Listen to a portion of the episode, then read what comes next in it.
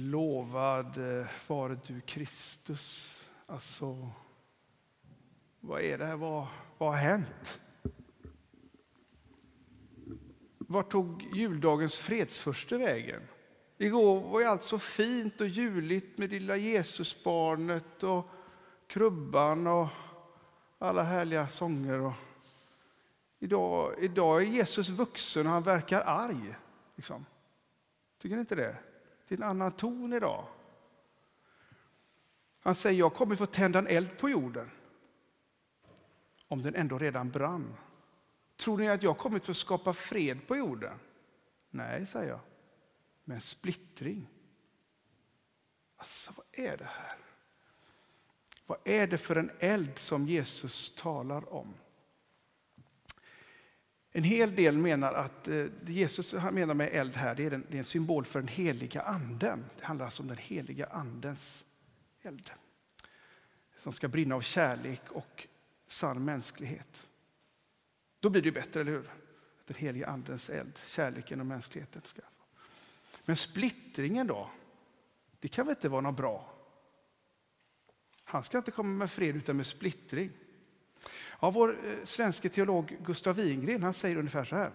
Då en allt större del av befolkningen i västvärlden är helt eller delvis främmande för vad kristen tro är, då är det inte så konstigt att de av oss som vi kallar, de som vi kallar för kristna på vissa punkter skiljer sig från majoritetssamhället. Och för att spetsa till det så här, säg om de svenska myndigheterna och majoriteten av vårt samhälle skulle förbjuda oss att utöva vår tro ja, då är det läge att gå emot det här, även om det skulle uppfattas som att vi underblåst en splittring. Och Detsamma gäller om en majoritet skulle rösta fram ett parti som sätter igång med en etnisk rensning i Sverige, där människor med viss hudfärg eller bakgrund skulle förföljas. Det kan ju inte vi gå med på om vi är kristna, då måste vi gå emot det. Så det handlar om en god splittring som Jesus talar om.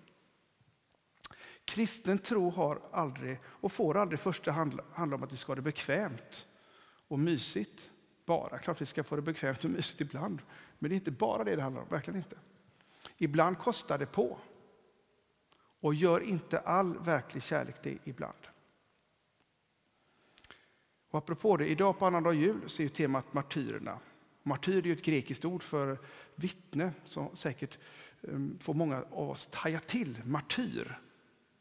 Blixtsnabbt tänker många av oss på sådana som bara sprider skräck och dör omkring sig. Men de som kyrkan och Bibeln eh, benämner som martyrer, det är sådana som visserligen är beredda att offra sitt liv för att Guds kärlek ska strömma igenom dem till människorna. Men aldrig på ett sådant sätt att andra människor kommer till skada. Det är ju tvärtom det som äkta martyrer till varje pris vill undvika.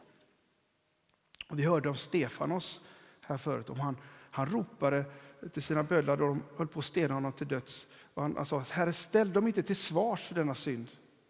Och med de orden dog han. Liksom Jesus bad, eh, bad att Gud skulle förlåta bödlarna vid korset gjorde nu Stefanos det. Att det är en enorm skillnad mellan eh, en självmordsbombare och någon som Stefanos. Det är väl ingen av oss som kan missa, eller hur? Eller som Jesus säger, på deras frukt ska ni känna igen dem. Om frukten är kärlek, liv och ljus. Eller om frukten är mörker, död och likgiltighet. Det är det som skiljer en äkta martyr från en falsk. Och håll i er nu, för faktum är att alla vi som ser oss som kristna är kallade att bli martyrer. Att bli vittnen om att Guds kärlek gäller alla människor. Och vi får låta Kristi ljus lysa genom oss. Ni är världens ljus, säger ju Jesus i bergspredikan. Och när man tänder en lampa så sätter man den inte under sädesmåttet, utan man sätter den på hållaren så att den lyser för alla i huset. På samma sätt ska ert ljus lysa för människorna. Alla får vi som de vi är och på det sätt som just vi kan sprida Guds kärlek in i vår sargade värld. Och vi vet att det behövs mycket kärlek, mycket ljus. Eller hur? Eller som den helige Franciscus lär ha sagt, predika alltid. Men använd bara ord när det behövs. En kristen är alltid satt, det är inte bara prästen som ska stå här och mala. Alla ska vi predika genom dem vi är, genom att leva i kärlek. Det är den främsta och viktigaste predikan av allt. Av alla. Ja, som de flesta av oss känner till så är ju kärlekens centrum, eh, kärleken med stort K centrum i allt vad kristen tro heter. Tar man bort kärleken från den kristna tron så är det ingen kristen tro längre. Ehm, du ska älska Herren din Gud av hela ditt hjärta, och med hela din själ, och med hela din kraft och med hela ditt förstånd och din nästa som dig själv, säger Jesus. På det dubbla kärleksbudet vilar hela lagen och profeterna. Hela kristendomen vilar på kärleken. Och som om inte det vore nog så säger Jesus, vi ska älska våra fiender. Göra gott mot dem som hatar oss. Vi ska välsigna dem som förbannar oss och be för dem som skymfar oss. Och nu börjar det bränna till för de flesta av oss. tror jag. Om vi tänker på någon nu som vi har svårt för, ska vi då älska den personen? Be för den personen, göra gott för den. Det, det, vi vill egentligen inte det. Det är något i som tar emot det. Det tror jag de flesta måste erkänna. Eh, jag ska återkomma lite. Eh, men jag tror ändå att med Andens kraft, med Guds hjälp, så är det faktiskt det som kan göra oss fria. Många gånger. Men frågan är då, ställer sig, undrar säkert någon av oss, hur kan vi tvinga oss att älska någon som vi upplever som en fiende? Någon som hatar oss, förbannar oss och skymfar oss. Det går ju liksom inte. Prästerna eh, Tobias Hardin och Kristoffer Lignell visar i en bok om Didache, en slags eh, kristen lärjungabok från den allra tidigaste kyrkan, att Jesus börjar i andra änden. Jesus säger aldrig att vi ska känna kärlek. faktiskt. När en fiende hatar oss förväntas vi inte känna kärlek utan istället göra något gott. Jag tror vi är fast att ja, det känns inte äkta för mig. Jag kan inte göra det känns inte. Ibland kan man inte fastna i känslan. Eh, det är inte så lätt. Jag tror vi alla har sådana personer och sådana saker som hänt som är svårt att förlåta. Samtidigt är det först när vi inte ger igen och hämnas som vi med Guds hjälp kan komma ut ur det som alltid leder fel. Det som dränerar oss på livsglädje. Och jag tror vi alla som är här idag har erfarenhet av hur det känns när vi en vacker dag faktiskt lyckas släppa taget om vår knutna hand.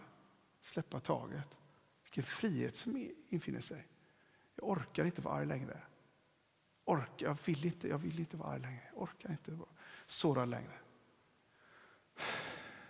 Eller hur? Jag ser att ni känner igen den känslan.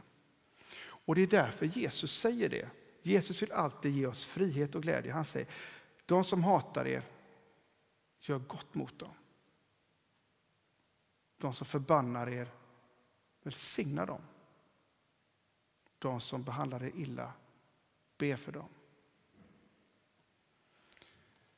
Men invänder någon, är inte det en slags kyrklig fälla där vi luras att förkrympa våra liv och ska, vi ska låta oss bli trampade på bara för att det är något särskilt kristet och heligt? Jag tror faktiskt inte det. Jag tror att Jesus det, det vill leda oss till frihet. Men ingen har sagt att det, sagt att det är en enkel väg, att vi behöver göra det hellre med egen kraft, utan med Guds hjälp. Vi måste inte tvinga oss själva att känna kärlek hela tiden. Men vi kan öppna oss för den Gud som blev människa, Jesus, och som möter oss genom sin ande och som vill ge oss kraft att leva livet som det är tänkt. Ett liv i kärleksfulla relationer till Gud och våra medmänniskor. För det ligger en stor befrielse gömd i att med Guds hjälp göra gott, välsigna och be. Och om det är något jag vill att ni bär med er idag, så när ni kör hem i bilen, så här, göra gott, välsigna och be.